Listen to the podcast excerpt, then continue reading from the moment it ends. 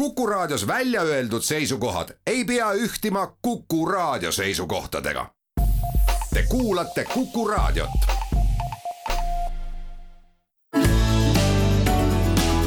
keskpäevatund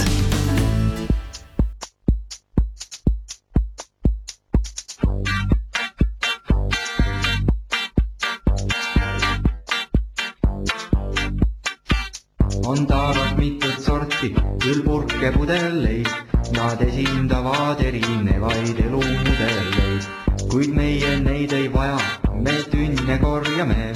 eks vaadake siis kõik ja tehke ise järele. me saime tünni, tünni, tünni, tünni, me saime tünni ja tünni, tünni ja me saime tünni, tünni, tünni, tünni me saime hästi suure tünni, baby. Kui keegi korjab taarat ja taarapunkti viib, siis meie oma tünnidega teeme teisiti. sest meie jaoks on tünnil üks lihtne seletus, ta pole muud kui petekas või hale üllatus. me saime tünni, tünni, tünni, tünni me saime tünni ja tünni, tünni ja me saime tünni tünni, tünni, tünni. Me saime hästi suure tünni, baby. nii elus ringi rändad ja palju tünne saab, et isegi ei suuda enam kokku lugeda. kui meie käest sa küsid, et milleks meile see, siis vastus on, et kokku saades laulda saaksime me. me saime tünni, tünni, tünni, tünni me saime tünni ja tünni, tünni yeah. me saime tünni, tünni, tünni, tünni. me saime hästi suure tünni, baby. me saime tünni, tünni, tünni, tünni. me saime tünni ja tünni, tünni me saime tünni, tünni, tünni, tünni me saime hästi suure tünni, baby. me saime tünni, tünni, tünni, tünni. me saime tünni ja tünni, tünni yeah. me saime tünni, tünni, tünni, tünni. me saime hästi suure tünni, baby. me saime hästi suure tünni, baby.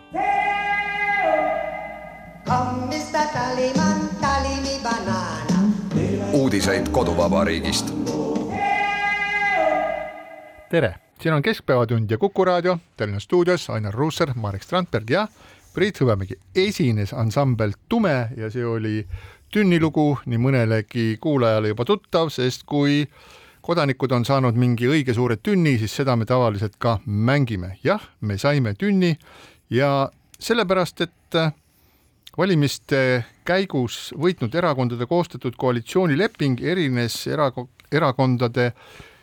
valimisprogrammidest nagu ööpäevast ja see on tekitanud sellise diskussiooni, mis kohe pärast valimisi ja koalitsioonilepingu avaldamist, mis teatavasti on lihtsalt üks mingisugune hea tava deklaratsioon, aga Eestis kipub olema ülem kõikidest muudest institutsioonidest. Ehm, ja järgmine suurem tünn tuleb esmaspäeval ja siis annab Kaja Kallase valitsus Riigikogule üle maksumuudatuste paketi, mille on kokku pannud rahandusministeerium ja seal on siis järgmised asjad sees, tulumaksuseaduse ja kaitseväeteenistuse seaduse muutmise seaduse eelnõu, käibemaksuseaduse muutmise eelnõu, hasartmängumaksu seaduse muutmise seaduse eelnõu, alkoholi, tubaka, kütuse, elektriaktsiisi seaduse, teiste seaduste muutmise eelnõu ja nende kooskõlastamisring lõppes teise mai keskpäeval. Ehk et kõik need väga olulised kodanike, institutsioonide, komisjonide, asjasse puutuvate ühenduste põhjalikku arutelu nõudvad seaduseelnõud lükati nagu toores päts masinasse ja seesama Riigikogu, mis justkui peaks olema Eesti rahva kõige kõrgem esindaja, ilmselt võtab selle vastu ja osa nendest äh, meistritest on siis valmis seda toorest pätsi küpsetama seal kohe, eks ta kõrbeb kuidagi sealt pealt ära, aga samas öeldakse, et aga mis teha, me soovime seda kõike just nüüd ja praegu, sellepärast et me võime. jah, sellepärast, et võidakse ja teine asi muidugi see, et äh, nüüd ka Riigikogu esimehel Hussaril, noh, tulevad rasked ajad, kus ta peab järjest rohkem ja rohkem oma kõlavaid sõnu sööma, aga mine tea, äkki need ei olegi sõnade söömised, vaid see ongi see uus nii-öelda muudetud ja teistmoodi toimiv Riigikogu, kus mitte mingisugust nagu võimalustki ei ole isegi näpuga natukene näidata selle peale, et üks või teine eelnõu võib-olla logiseb mingi koha pealt või võib-olla ei ole päris hästi läbimõeldud, sellepärast et vead, mis tehakse, hakkavad ju noh, selle tõttu, et nad võivad teha ka vigu, nad võivad otsustada ka õigesti, hakkavad pisitase välja tulema. mitte, mitte see nüüd oleks nagu lõpmatult halb, aga oleme ausad kasvõi selles küsimuses, et no ega, ega nii lühikese ajaga äh, noh, selline, selline läbimõeldud ja kestvust nõudev seadusmuudatuste pakett no, põhimõtteliselt võimalik ei ole. Neid vigu võib olla seal küll ja veel ja no pärast loomulikult saab ju Riigikogu jälle öelda, et oi, aga me hakkame nüüd ise likvideerima omaenda tekitatud vigu, vaadake, kui edukalt me seda teeme ja nii edasi.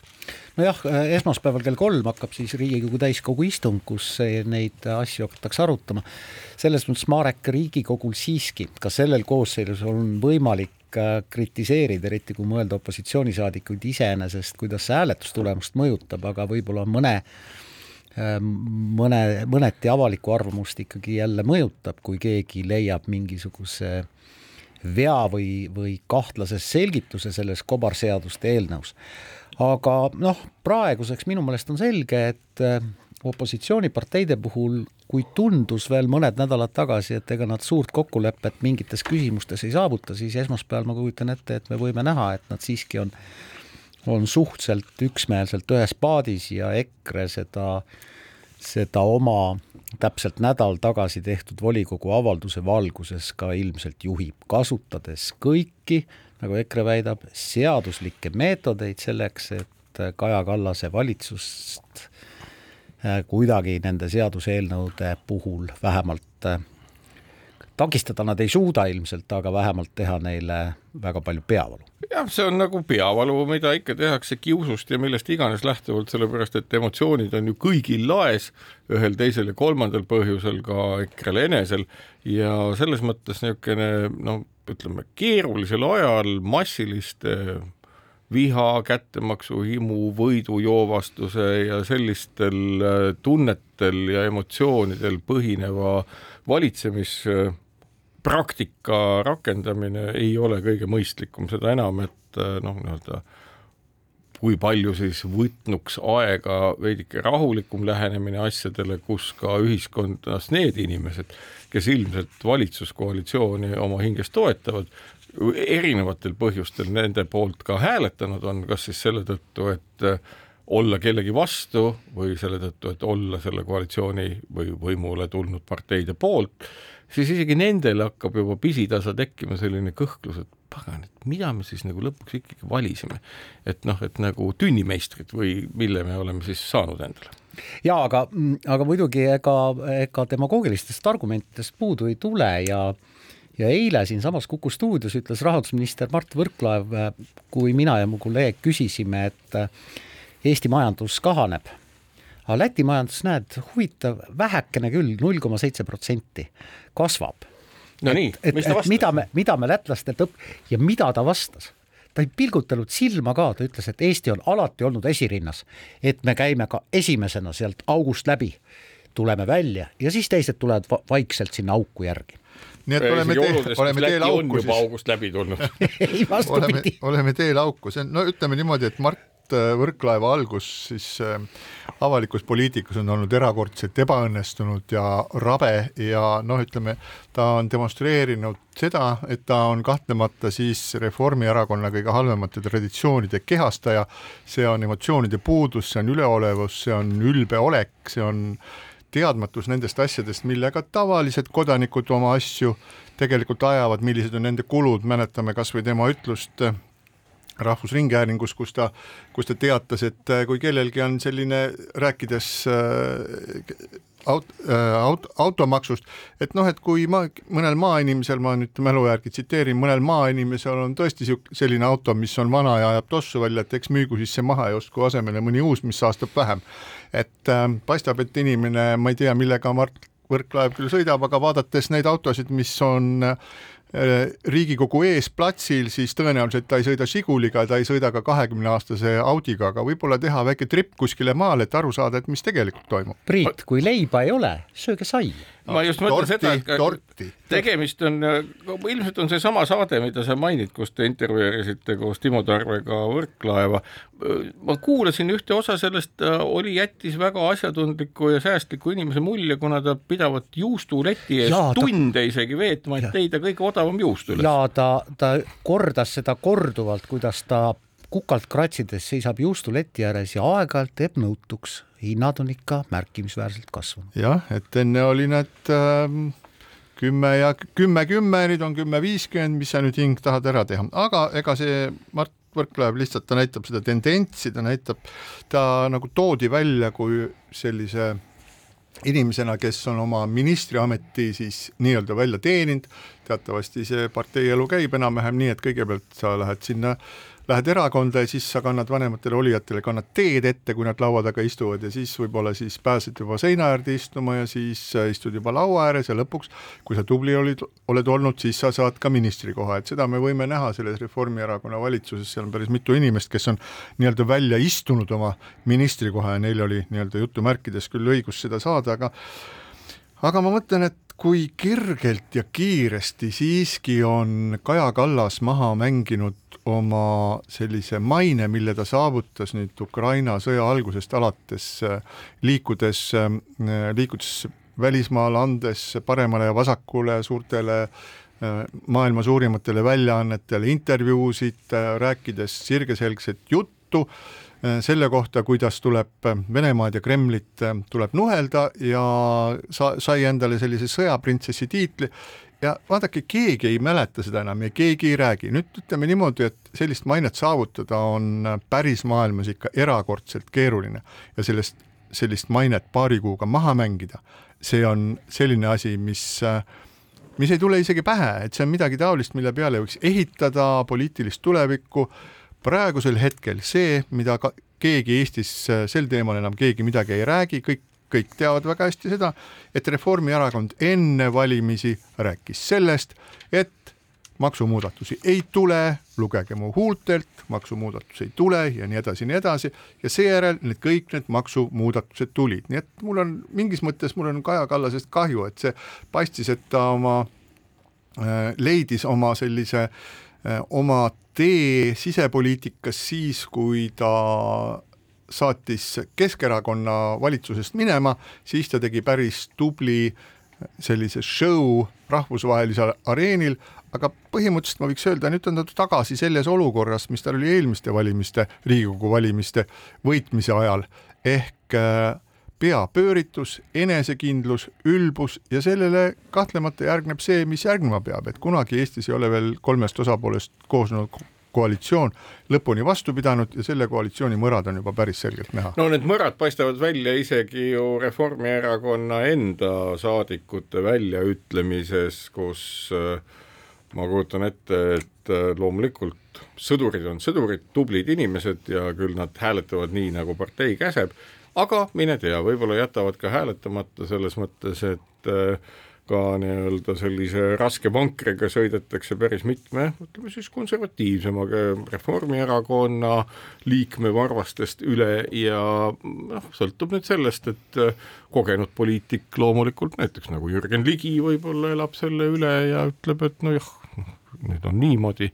ja eks ma ikka hääletan erakonna poolt, aga mine tea, seal võib ka olla mingit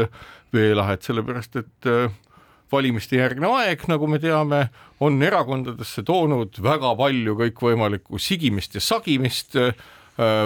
emotsioonid keevad üle ja sõltuvus võimu olemasolust äh, on haiguslik, nii nagu ka näitab seda, et paljudel puhkudel näiteks EKRE-s ka võimu puudumine tekitab tõsiseid terviseprobleeme ja tõmblusi. no ja, ja parteiga ja oma südametunnistusega mitte vastuolu minekuks on tegelikult parlamendiliikmetel alati võimalus mitte hääletada ja, aga see näeb ka kahtlane välja, kui sa siis oled ennast registreerinud kohalolijaks, aga ei hääleta, aga alati on võimalik minna lähetusse ja valijatega kohtuda. jah, loodame siis, et äh, kas me näeme esmaspäeval meeletut, ei vist esmaspäeval, esmaspäeval veel mitte, et, et jah, aga kui mitte. ajad niimoodi lähevad, et siis kõik tahavad kangesti kuhugi lähetusse minna. aga kas pole mitte nii, et äh, Reformierakond on hoolimata kõikidest nendest enda soovidest ja lubadustest, mis nad enne valimisi andsid, noh praegu on juba täiesti selge, et valimiseelseid lubadusi vähemasti Reformierakonna puhul ei saa uskuda, ma loodan, et see ajakirjandusel on, ajakirjandusel ka ajalooline mälu nii pikk, et nelja aasta pärast tuletatakse seda kõike meelde. mida te rääkisite ja mis toimus pärast, need asjad omavahel kokku ei läinud, mingis mõttes ma arvan, et Reformierakond on endale pannud miini ja see miin kestab, tiksub väga kaua ja see lendab nende juurde tagasi iga kord, kui jälle on põhjust midagi nende kohta öelda, aga see selleks, nad on suured poisid ja tüdrukud, nad ise teavad, mida nad teevad, aga teine asi on see, et kas pole ikkagi juhtunud jälle täpselt nii, nagu ka Reformierakonnal varem, varem on juhtunud, et nad on siiski Eesti kahesaja ja sotside pantvangid, et sotsides me teame seda, et nii kui sa lased sotsid, vabandage väljendust, nii kui sa lased sotsid valitsusse, nii nad asuvad rahvast kõrvupidi helgesse tulevikku vedama. Ja kuigi rahvas karjub, et valus on, valus on, ütlevad sotsid, ärge õiendage, meil on praegu see võimalus, me tahame kõik need asjad ära teha, mida me saja aasta jooksul teha ei ole saanud. Ja nüüd see ka tuleb, et eks me näeme seda praegu siis mitmesugustes aspektides, näeme seda näiteks abielu äh, institutsiooni moonutamises. Ja ei maksa lasta ennast äh, lollitada sellest sõnast, mis on siis nagu välja mõeldud, mida nimetatakse siis abieluvõrdsuseks, sellel pole võrdsusega midagi pistmist, tegu on homoabielude seadustamisega, täpselt nii see on ja seda tulekski nimetada, ma kujutan ette, et see on, see on päris nutikas trikk, tähelepanu kõrvaleviimine, see on äh, poliitikas laialt kasutusel ja kasutatakse ka praegu, nii et kui te kuulete seda sõna, siis mõelge sellele, mida see tegelikult, tegelikult tähendab, et kahtlemata see temaatika vajab ka läbiarutamist, see, selle üle on ka Eestis palju räägitud, selle puhul on soovitud korraldada ka referendum ja see, kuidas seda nüüd niimoodi tehakse, üks, kaks, kolm, teatavasti enne valimisi räägiti ainult siis kooseluseaduse rakendusaktide siis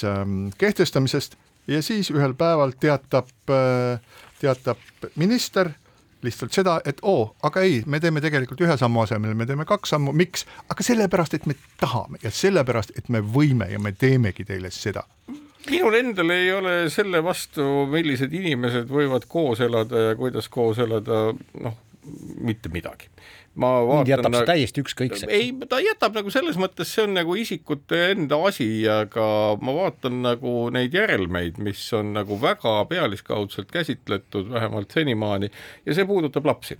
mitte nüüd seda, et kas keegi laps läheb äh, samasoolise paari juurde kasvama või mitte, et isegi see ei ole probleem, pigem on nagu küsimus põlvnemises ja kuidas seda põlvnemist, mis juhtudel, kui nii-öelda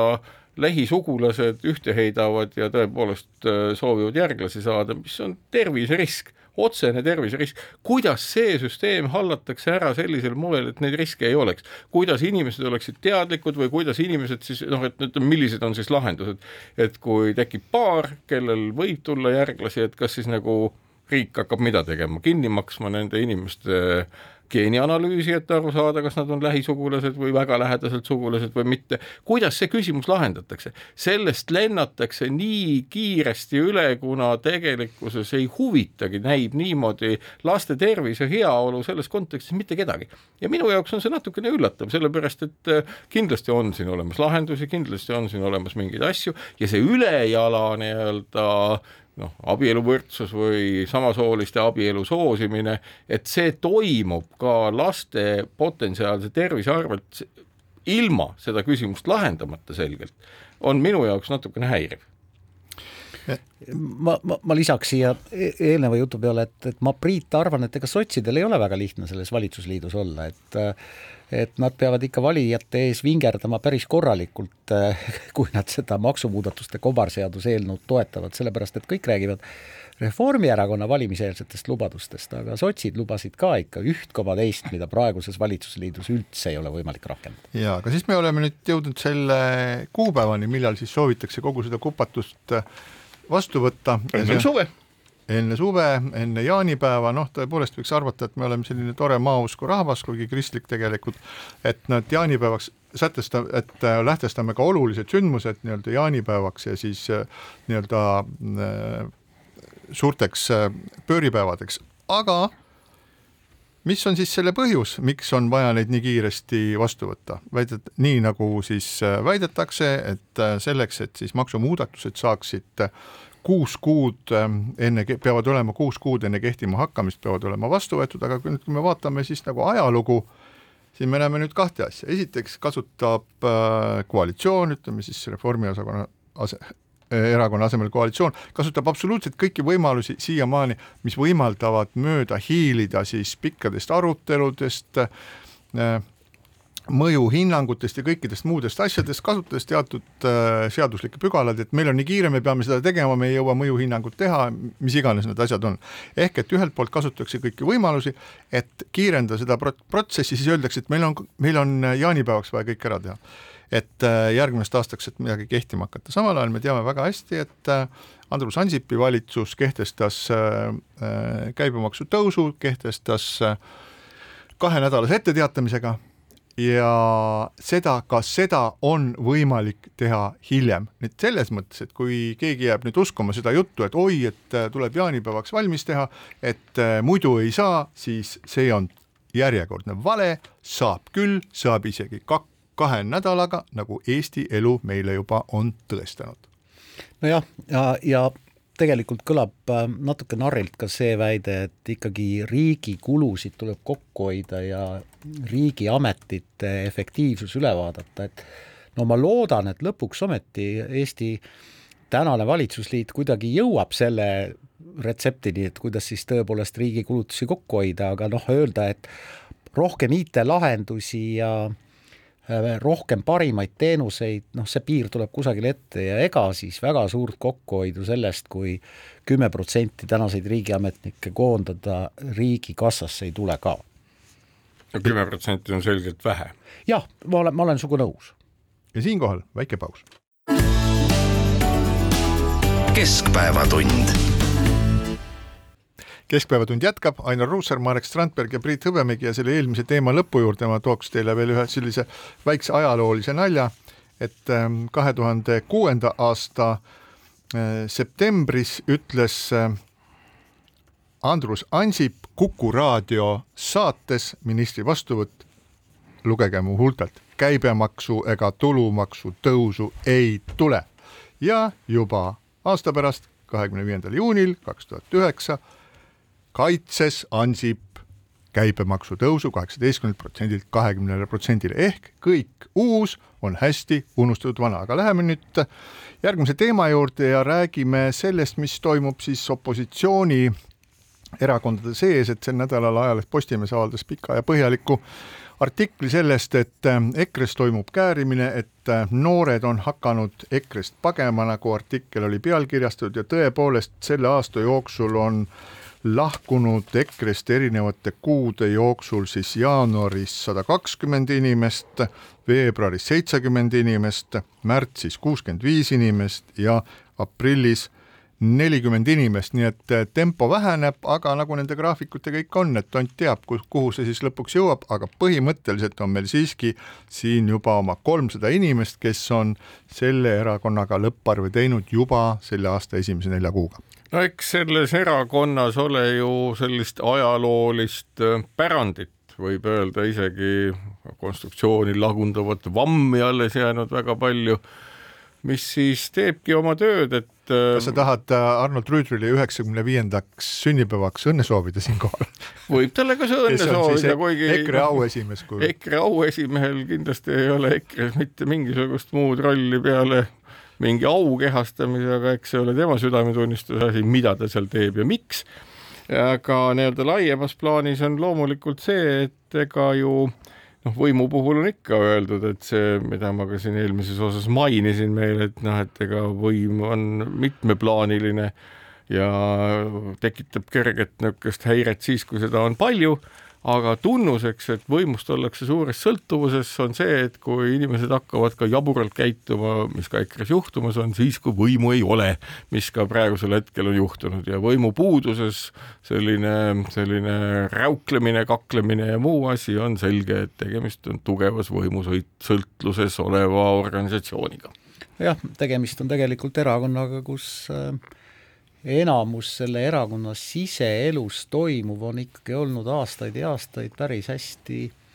selle erakonna siseasi niimoodi, et äh, alles nüüd Postimees tegi tänuväärse töö ja natuke paljastas seda, mis erakonnas toimub, aga mulle tundub, et et EKRE sellised äh,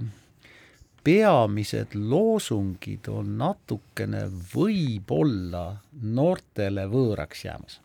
ega ma ei tea, ega ma ei kujuta ette sinise era-, sinise äratuse ehk siis EKRE noortekogu sellist siseelu või või, või kaemust, aga aga tundub, et tegemist on ikkagi sellise noh, pigem nelikümmend pluss konservatiivse ja natuke rohkem isegi konservatiivse maailmavaatega inimeste erakonnaga. no ega selles ei ole ju ka midagi halba, et ka äh, seenioritel on oma niisugune võimalus toime tulla ja öelda noortele, nagu nad ikka on öelnud kogu selle põlvkonna vältel, et nemad peavad rääkima ainult siis, kui selline kana. põllumajandusloom nagu kana pissib yeah., aga, aga mis me ikka teeme, et see ongi see nägu ja võimalus, ütlen kiiresti, et nüüd need saabast saanud noored, kellel saapa jälg tagumiku peale, kes on sealt erakonnast suure vuhinaga välja lennanud, küll neil seda energiat on, et ka mingi uus organisatsioon teha. seda küll, aga mida ma, mida ma nüüd küll äh, võiksin EKRE-le soovitada, on see, et kui me saate esimeses pooles rääkisime põhjalikult valitsuskoalitsiooni ja Kaja Kallase juhitava valitsuse kõikvõimalikest seadusmuudatustest ja maksumuudatustest, siis siin võiks olla küll nüüd äh, opositsioonierakondade suur võimalus tulla lagedale millegi sellisega, mis kõlab nagu usutavalt, aga mitte väita, et meie oleme maksutõusu vastu, sest me oleme majanduskasvu poolt. EKRE poliitikute sõnad, mida see tähendab, tõlkige mulle ära. no ja no vaatame, eks me hakkame seda esmaspäeval nägema, et mis seal siis toimub, et kas on diskussioon, obstruktsioon või, või on leiutatud mingisugune uus vahend, aga, aga tegelikult see, et noored on hakanud EKRE-st ära minema, see on fakt ja sellel on ka omad selged põhjused, ehk on olemas äh, vähemalt kolm sellist juurpõhjust ja need on siis järgmised, üks on see, et äh, tihtipeale on EKRE äh, Äh, maha teinud siis äh, äh, Ukrainaga, koostööd Ukrainaga või siis näidanud oma kahtlustusi, põlgust ähm, Ukraina, ütleme niimoodi, Ukraina vastu, et kas sealt tuleb mingisuguseid inimesi, keda pole Eestile vaja, et nad tulevad siia hoopis mingisugustel muudel eesmärkidel kui see, et nad on sõjapõgenikud, aga igal juhul selle EKRE tuumiku selline väga tugev Ukraina vastane äh, Ehm, selline paatos on tekitanud eh, noortes inimestes, eh, kes EKRE-s on, on tekitanud meelepaha, sellepärast et Ukraina toetamine on valdav meeleolu, mis Eestis valitseb. teine asi on see, et eh, EKRE tuumik on, läks enne valimisi tugevalt siis nii-öelda verbaalsesse sõtta Kaitseväe juhi Martin Heremi vastu, Heremit rünnati, seda teemat hoiti pikalt üleval ja seda just nimelt ajal, kui julgeolek ja Eesti Vabariigi julgeolek on üks olulisemaid teemasid, millest Eesti inimesed üldse räägivad, et ma nagu tegelikult imestan väga, et sellised fopaad on juhtunud. Ja kolmas on see, et äh, EKRE on erinevat siis eesti ja vene keelt rääkivatele inimestele rääkinud erinevat juttu ja tänases äh, meediakeskkonnas see, see ei võta isegi päeva, see võtab lihtsalt niipea, kui mingisugune jutt on räägitud, tekst on ilmunud, on see kohe igal pool teada, see kahele erinevale keelekogukonnale erineva poliitilise suunitlusega jutu ajamine, see on üks selline maamiin, mille peale poliitik ei tohiks astuda. Keskerakond on seda mitukümmend aastat teinud. ja kuhu nad on siis sellega välja jõudnud, aga nüüd kordas seda ka veel EKRE, nii et need on nagu kolm ju-, et see on siis nii-öelda see kolmas põhjus on siis nagu russofiilsus, et ähm, kuigi ma saan aru, selline pragmaatiline mõte, et lähme räägime seal Narvas äh, vene keelt rääkivatele inimestele mingisugust teistsugust juttu ja oleme sellise konservatiivsuse pooldajad ja mis iganes, et me tulime siia selleks, et teie tanki ära ei viidaks ja noh, muud taolised jutud, aga see tuleb siis eestikeelses hästi rahvuskonservatiivses keskkonnas kohe esile. Ja neljas punkt on siis see, et et noored ekrelased ütlevad ka seda, et tuumik on virutanud ära nende tõrviku rongkäigu, mis oli siis algselt nii-öelda noorte äh, poolt välja mõeldud, noortele tehtud sellise omavahelise kamraadluse ehitamiseks. Ja et see suur asi on nende käest nüüd ära pätsatud, tehtud suureks poliitiliseks aktsiooniks ja nendele nii-öelda au selle eest keegi ei anna, nii et võib öelda, et noortel on põhjust, neil on need põhjused on täiesti selged, mida nad välja toovad, et see ei ole mingisugune lihtsalt niisama udu kas no aga ei, ma arvan, et täpselt õigesti see ongi, et kuulasin ja noh, nii-öelda ega poliitiline evolutsioon selles ju seisnebki, et et need, kellel on energiat ja praegu neid noori ja neid toetavaid inimestel seda on, et noh, me näeme ju siis tervet parve selliseid. EKRE on oma ja nii-öelda marja nii-öelda idanema pannud. Ja, ja küll sealt siis nagu kooruvad erinevad kullesed ja poliitorganismid, kes siis ja mis siis hakkavad nagu edasi toimetama ja põhimõtteliselt oludes, kus võimu soovitakse kontsentreerida, tekib vastupidine reaktsioon ja see hakkab hajuma väga erinevate valdkondade vahel ja noh, see ongi, et koostöö puudumine toob endaga kaasa kas siis võimu hajumise või siis võimu kandva erakonna hajumise uuteks tükkideks ja vaatame, millal siis tuleb esimene noorte konservatiivide rahvuslik erakond või mingi muu asi, et noh, küll see tulemata no, ei jää. nojah, ilmselt on, on selle tekke mm, põhjuseks ikkagi tulevased valimised ja järgmisel kevadel on alles Euroopa Parlamendi valimised, mis, mis väga palju sellist äh, kodumaist parteielu ei, ei puuduta, aga aga noh, EKRE puhul tuleb öelda, et ükskõik, kuidas nad oma siseeluga hakkama saavad, tegemist on ikkagi üsna üsna pikalt Eesti poliitmaastikul tegutsenud erakonnaga, mis ikkagi naudib päris korralikku toetust, isegi praeguste Riigikogu kohtade arvu vaadates, tõsi, lootsid, lootsid rohkemat, aga aga läks, läks nii. nii, kahtlust pole, aga siis, kui jutt oli juba tõrviku rongkäikudest, siis äh, läheneb meil üheksas mai ja teatavasti on siis äh, selline kuupäev alati endaga, no mitte alati, aga varasematel aastatel endaga kaasa toonud teatud teist sorti üritusi ja nagu üks tuntud, äh, mida võiks nimetada surnute marsiks, kus siis äh, sada aasta, umbe, peaaegu sada aastat tagasi teise maailmasõja lahinguväljadel hukkunud inimeste piltidega jalutatakse kuskil ümber kalmistu, just nagu lootuses, et nad äh, üles ärkavad, tegelikult me teame väga hästi, et see on Venemaa väga äh, täpselt äh, koordineeritud ja planeeritud üritused selleks, et hoida siis Vene venekeelseid, venemeelseid inimesi igal pool maailmas pidevas sellises võitluslikus seisundis, et nad tunneksid, et, et äh, neile tungitakse peale, et nad võitlevad mingisuguse äh, ülemaailmse pead tõusva fašistliku hüdra vastu. no praegusel hetkel ju nii-öelda sinu poolt juba ammu surnud inimeste asemel on tekkimas ju uus plejaad nii-öelda kangelasi, mida värskelt, ju värskelt hukkunud äh, värskelt siis hukkunud. terroriste ja Ukraina. vägistajaid, tapjaid ja kes on siis äh, jätnud oma, oma elu Ukraina lahinguväljadele. jah, muidugi, muidugi Venemaa kasutab seda ära ja noh, omamoodi uus nähtus on see, millest on ka väga palju kirjutatud, et üheksandal mail võivad äh, Ida-Eesti idapiiri lähedased elanikud nautida. Teisel pool jõge sellist nähtust nagu Rock Spring. ehk siis Jaanilinnas toimub kontsert, mis on tegelikult siis esmakordselt äh, noh, selgelt suunatud ju üle jõe siinpool Euroopa Liidus elavate on sellest osade, midagi täpsemat ka teada, et mis, mis bändid seal esinevad ja ei tea kava, ei tõesti ei tea, aga ma soovin Eesti politseile jõudu selles mõttes, et et et äh, kui Kaitseväe kalmistul pronkssõduri juures on väga palju inimesi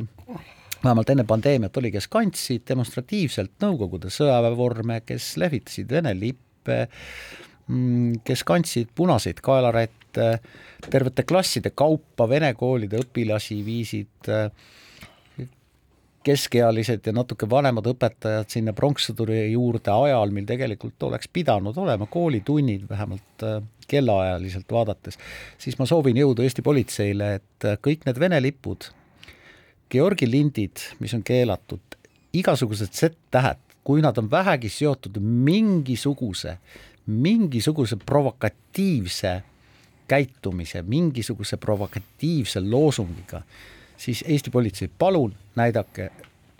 oma jõudu, palun näidake, et Eesti riik on olemas. no ma arvan, et need päevad on õnneks möödas, kui siis äh, lähedal asuva äh, ka kaitseväe, kaitseväeosa töötajatel paluti sellel päeval erariietes ringi liikuda, et jumala pärast ei ärritaks neid inimesi, kes käivad surnute piltidega seal, aga nojah, lolliks ei saa minna, ega no, ega me jaa, Zippo jaa. kaupluse äh, pealt ei saa just, Zippo silti näha. ma arvan, et eelmine aasta juba näitas, et, äh, et asjad lähevad õiges suunas ja, ja paistab ka, et suur osa siis ähm, inimesi, kelle koduseks keeleks on emakeel ja kes võib-olla ei ole väga Eesti Vabariigi meelsed, et nad on vähehaaval hakanud aru saama sellest, et vene keel pidasid vene, jah, venekeelsed. venekeelne emakeel. et nad on vähehaaval hakanud aru saama sellest, et parem on siiski elada nagu rahulikult Eesti Vabariigis, nautida seda head, mis siin on ja kuidagi oma elujärge parandada püüda, selle asemel, et kakelda politseiga, sattuda mingisugustesse pahandustesse, sattuda mingisugustesse jamadesse, muutuda nii-öelda avalikkuses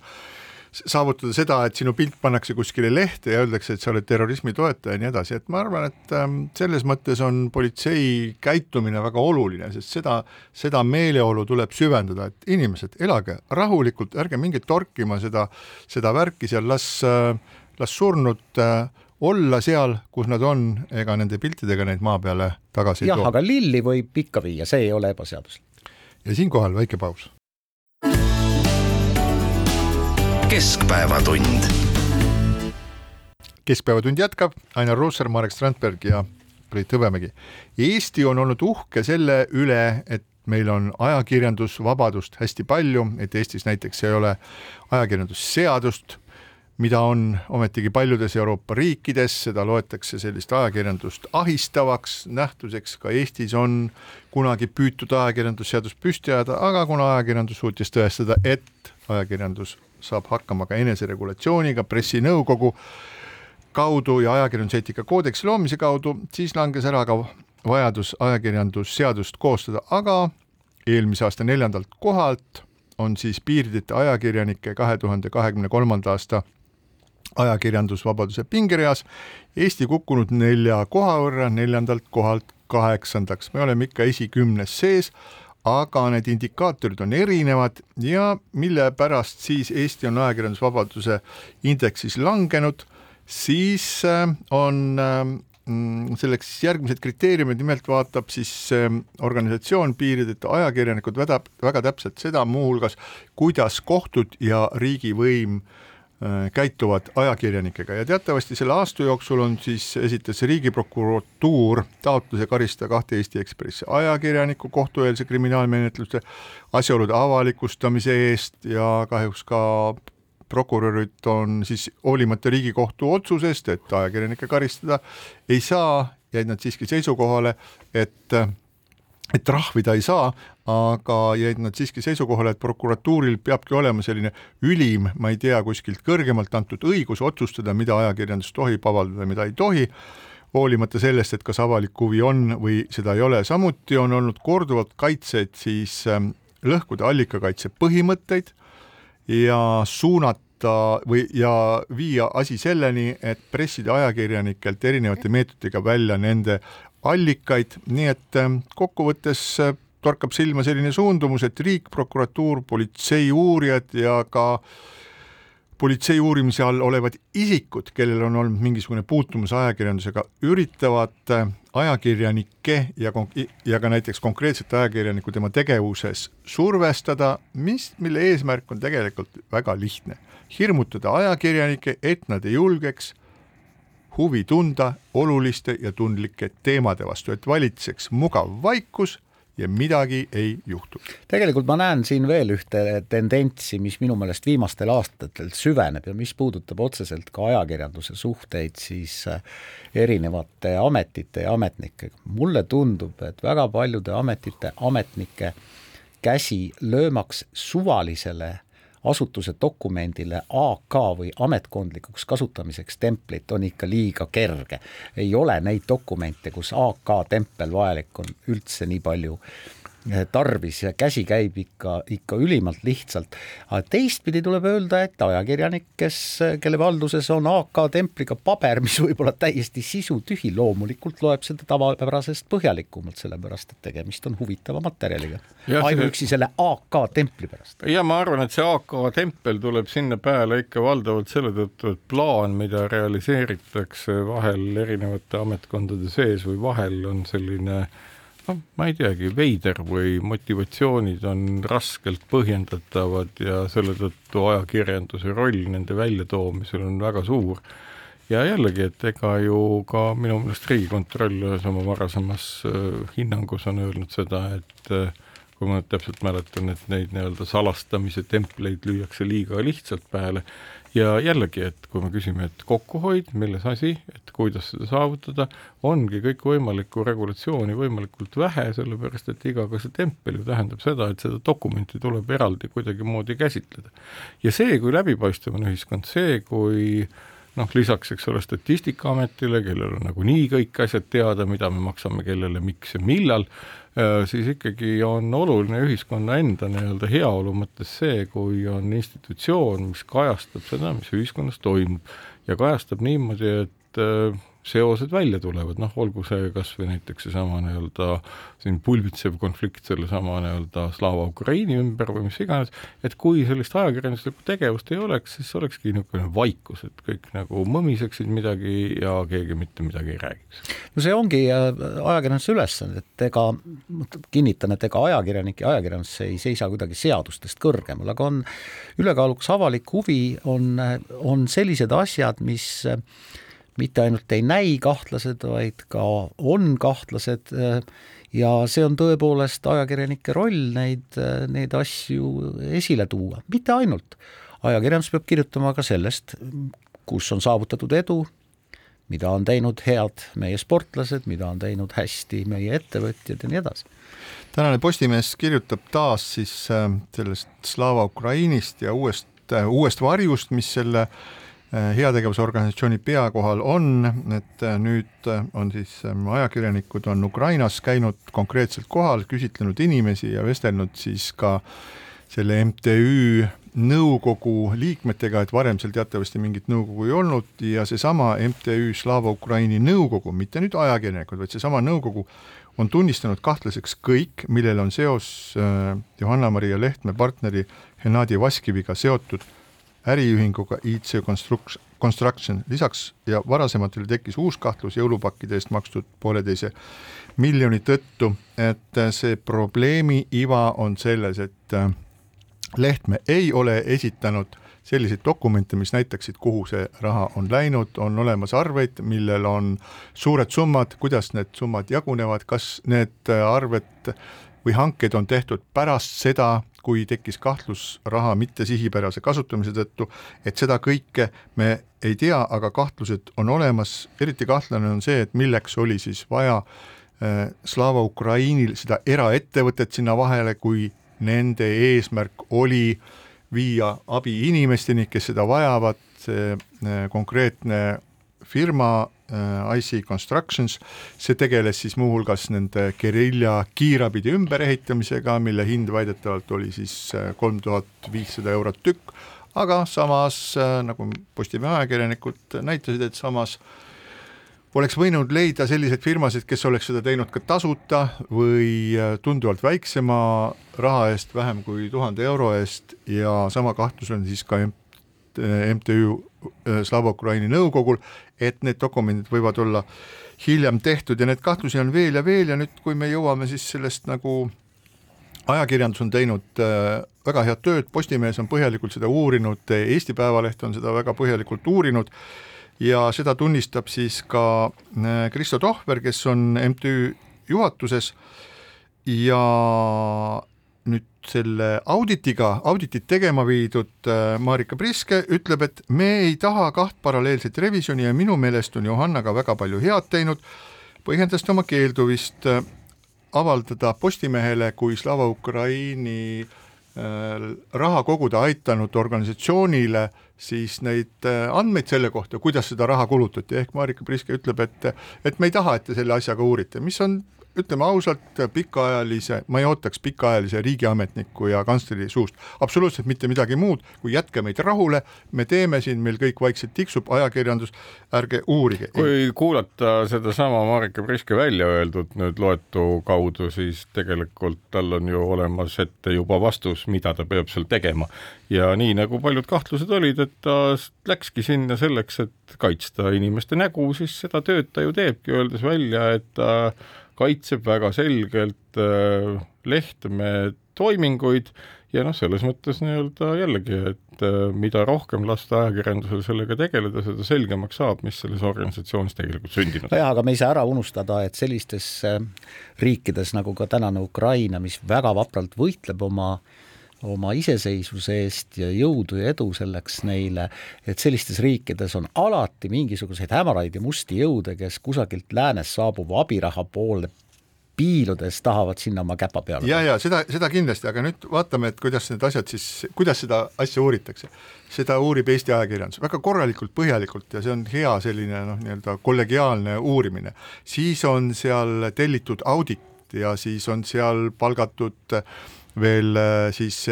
ekskantsler, kes peaks seda asja nii-öelda juhtima, aga see ja kes ütleb, et teie ärge uurige, aga mida kindlasti Marika Priske ei saa kuidagi tüürida, on see, mis toimub Ukrainas. Ja teatavasti see, kogu see teema on viidud siis äh, Ukraina presidendi Zelenskini välja, Ukrainas uuritakse seda samuti, seda uurivad Ukrainas erinevad äh, siis organisatsioonid, kes peavad korruptsiooniga tegelema. Ja ma, mis ma, mis ma võiksin öelda, ma ütleks seda, et kui Ukraina presidendi tasemel sõja ajal hakatakse uurima mingit korruptsioonijuhtumit, no siis võib olla kindel, et seal ei jää kivi kivi peale, päris kindlasti, ükskõik mida Marika Priske ütleb, uurige, et ei tohi uurida enne, kui, kui me oleme oma pisikese auditi ära teinud, need asjad on kõrgemal tasemel, need toimuvad nii, et neid ei saa enam takistada. ja siinkohal täname teid kõiki kuulamast, ilm on ilus ja kohtume taas nädala pärast keskpäevatund